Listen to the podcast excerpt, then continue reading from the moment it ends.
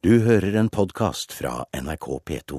Bør elevene få mat på skolen, og hvem skal betale? Og bør politikerne gjøre noe med hete budrunder? Det er klart for Politisk kvarter, programleder Bjørn Myklebust. Og hva har de to debattene til felles? Hvor går grensen for politikk, kanskje? Hvor skal politikerne gripe inn, og når skal marked og familie få holde på i fred?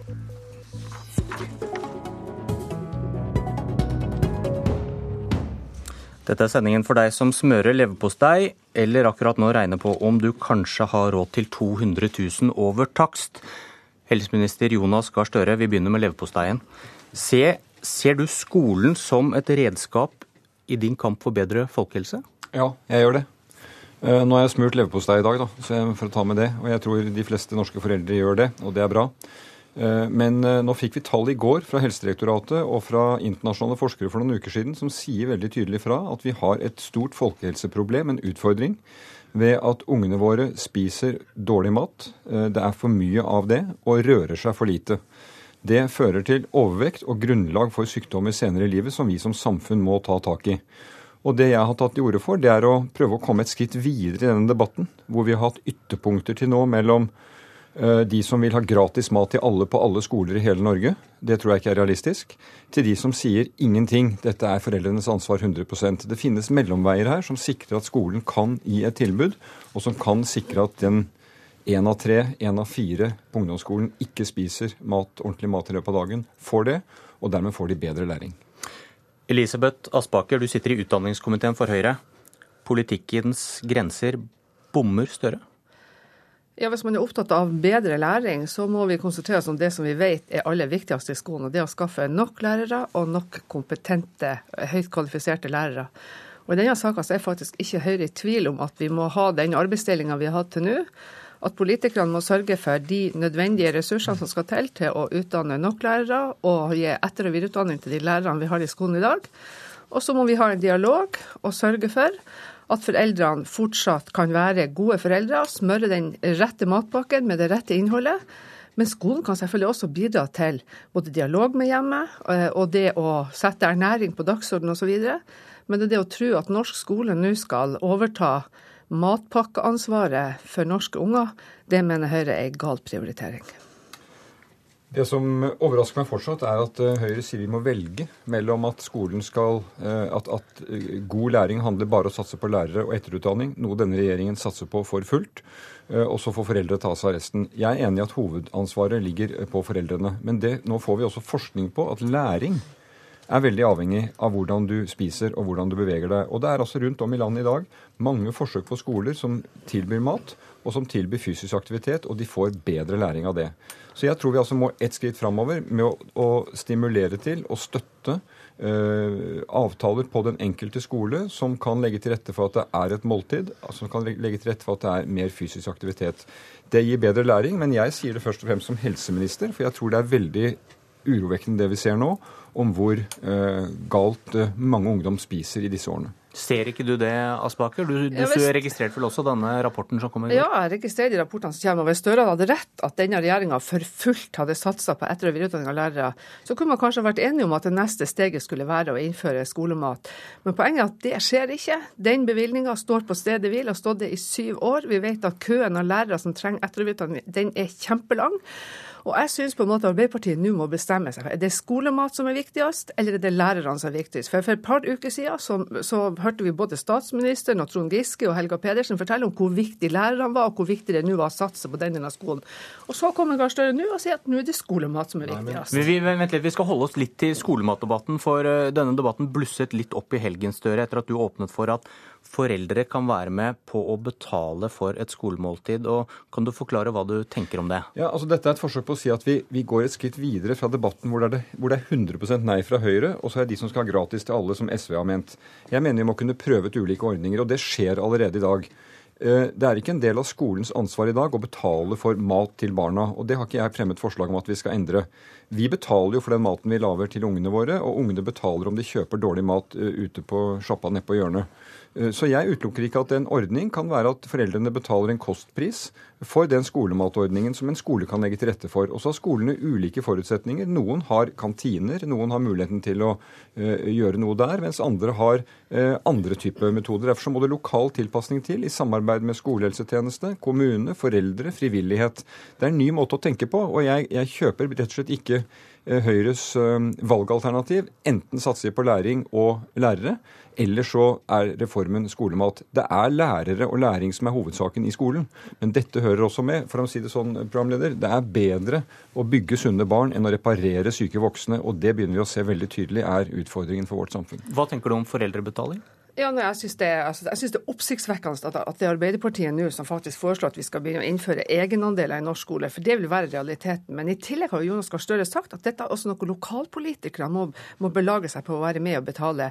Og jeg møter mange lokalpolitikere, og har møtt det etter det her utspillet, som rister på hodet og sier at de føler på en måte det blir helt umulig det her. For de har evig nok i dag med å greie å finne nok penger til etter- og videreutdanning av lærere, langt mindre om de nå også skal begynne å gå langt inn i fellesfæren og begynne hva, å overta ansvaret for hva. Hva blir konsekvensen, Aspaker, hvis det blir opp til den enkelte kommune, og eventuelt opp til den enkelte forelder om man skal betale for dette? Ja, altså Jeg ser jo for meg store forskjeller. Sosiale forskjeller. De som har råd til å betale for skolemat, de som ikke har råd til å betale for skolemat. Men jeg mener at dette blir helt feil fokus i skolepolitikken. For nå må skolen og lærerne få konsentrere seg om det som er viktig for dem.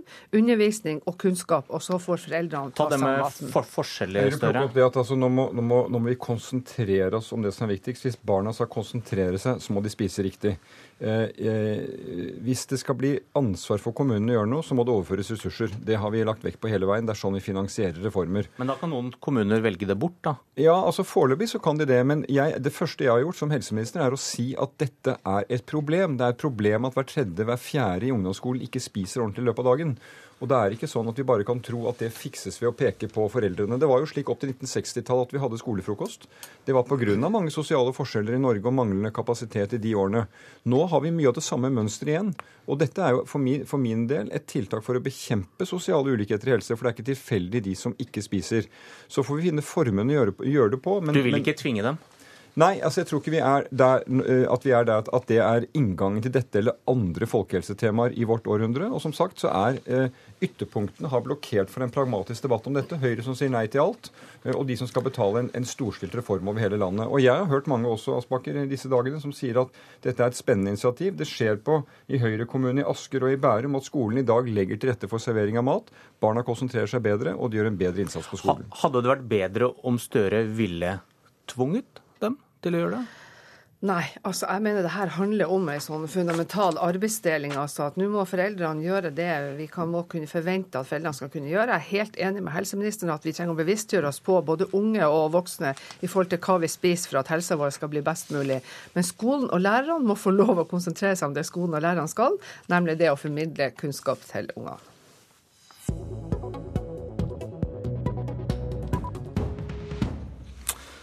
Politikkens grenser og bolig nå. KrF har blitt beskyldt for å ikke ha noen grenser for politikk, og det er derfor dere ikke hører hjemme på borgerlig side, men heller sammen med din sidekvinne, Hans Olav Syversen, parlamentarisk leder i KrF. Syns du det er treffende når vi ser på boligpolitikk og marked? Ja, jeg vil vel si at hvis en tar en titt på norsk boligpolitikk, så er det vel en preget av en utrolig passivitet.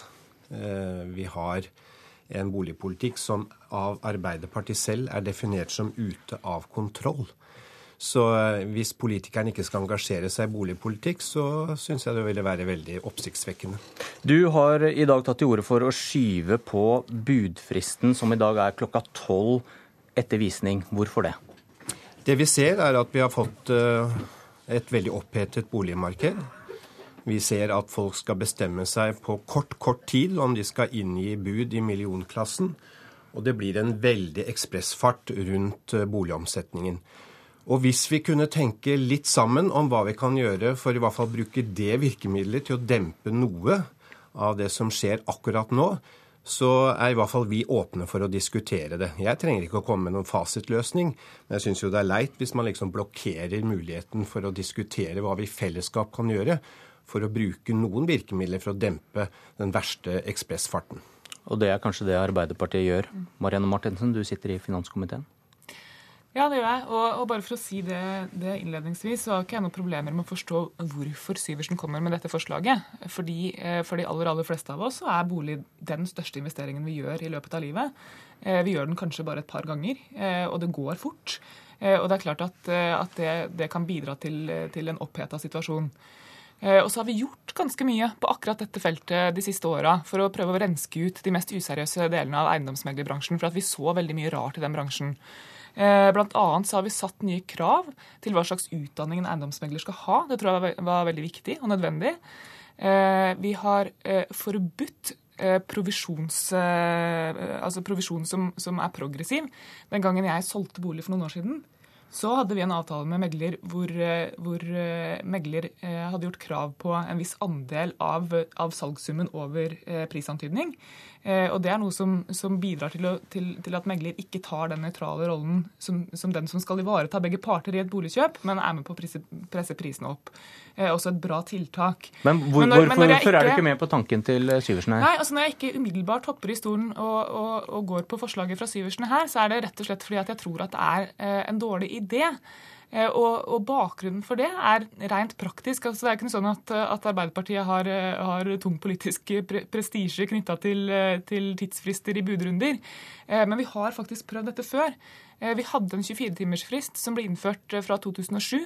Og den ble vurdert av Finanstilsynet etter veldig kort tid. Og da var det de som foreslo at man reduserte fristen til tolv timer. Og Det er som sagt en veldig praktisk begrunnelse for det. Det er rett og slett at da går budrunden på dagtid. Eh, og Det betyr at banken er åpen, sånn at megler får sjekka om du har finansiering. Det betyr at advokatkontorer er åpne, sånn at du har tilgang på bistand. Uh, og vi er redde for at, uh, at uh, hvis man går tilbake til et system med 24-timersfrist, så har du igjen en situasjon hvor, hvor, veldig mange av disse budrundene går på, på, kveldstid. Og vi tror rett og slett ikke at det er noe lurt. La oss ta det praktiske eksempelet. Det som nå skjer, er at man går på visning på kvelden. Så begynner eh, løpet eh, neste morgen, og gjerne da rundt lunsjtider. Folk får ikke engang snakket sammen hvis man er to som skal kjøpe en bolig sammen. Man driver på SMS, og noen tar noen råsjanser på vegne av hele familien. Kanskje det hadde vært lurt å tatt eh, ett døgn til, slik at man hadde hele den dagen og kvelden i fellesskap til å vurdere om OK, skal vi gå på et bud på denne boligen, og hvor langt bør vi gå?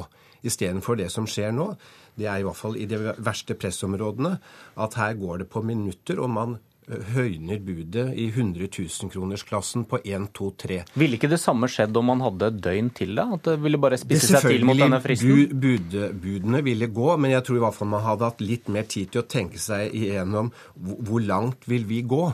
Istedenfor nå så blir det veldig kort frist, og man presses i realiteten til kanskje for mange å gå lenger enn det man opprinnelig hadde tenkt. Eh, men eh, hvis, hvis, det er det som er problemet for Arbeiderpartiet, at eh, det skjer på kvelden, så kan vi godt snakke om å gjøre det på dagtid neste dag. Det, det er helt i orden for meg. Hva sier du til det forslaget, Martin? Ja, altså, Vi hadde jo et innslag på, på morgenen her eh, med et eksempel med en megler som satt med, med sin kunde på telefon. Eh, og jeg mener at Hun hadde et ganske viktig poeng. Hun sa at, eh, at dersom dette, dette, går over veldig mange dager, så, så, vil man fort få en situasjon hvor mange av disse avtalene gjøres utenom den prosessen som megler er en del av. Det ser vi allerede tendenser til. At, at kjøper og selger inngår en avtale uh, uten at megler er involvert.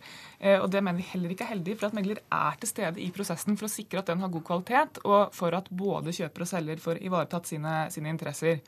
Eh, men vi har et forslag ute på høring nå som jeg mener er en god idé. Og det er at vi krever at alle bud skal legges inn skriftlig. For vi hørte på dette innslaget eh, hvordan, hvordan, man høyna med 50 000 over telefon mm. på kun kort tid. Og det at man i hvert fall krever at man må sette seg ned og skrive ned budet sitt og fysisk sende det inn, tror vi kan bidra til å dempe noe av det verste. Ja, det finnes jo alltid unnskyldninger for å la være å gjøre noe. og Jeg vet ikke om kanskje eiendomsmeglerbransjen er den vi skal først og fremst forsvare her. Jeg er mest opptatt av at de som kjøper og selger, at det blir eh, så gode forhold rundt et boligkjøp, som er den største investeringen vi gjør, eh, at det blir det førende for oss. Og så diskuterer jeg veldig gjerne. Jeg syns det var litt mer åpning nå fra Arbeiderpartiet enn det jeg hørte før i dag, så kanskje det er en sjanse for å se på dette allikevel. Men altså, Gode forhold rundt boligkjøp er vi helt enige om. Men jeg tror vi bare skal stappe fingeren i jorda og innse at, at problemet med det høye prispresset i særlig byområdene, det handler jo ikke om hvorvidt man legger inn bud på kvelden eller tolv timer tidligere på dagen. Nei, det, det, handler det, det, handler jo om det Arbeiderpartiet selv karakteriserer som en altfor passiv boligpolitikk. Ja, flere boliger. Takk til deg, Hans Olav Syversen og Marianne Martinsen. Politisk kvarter er slutt. Du har hørt en podkast fra NRK P2.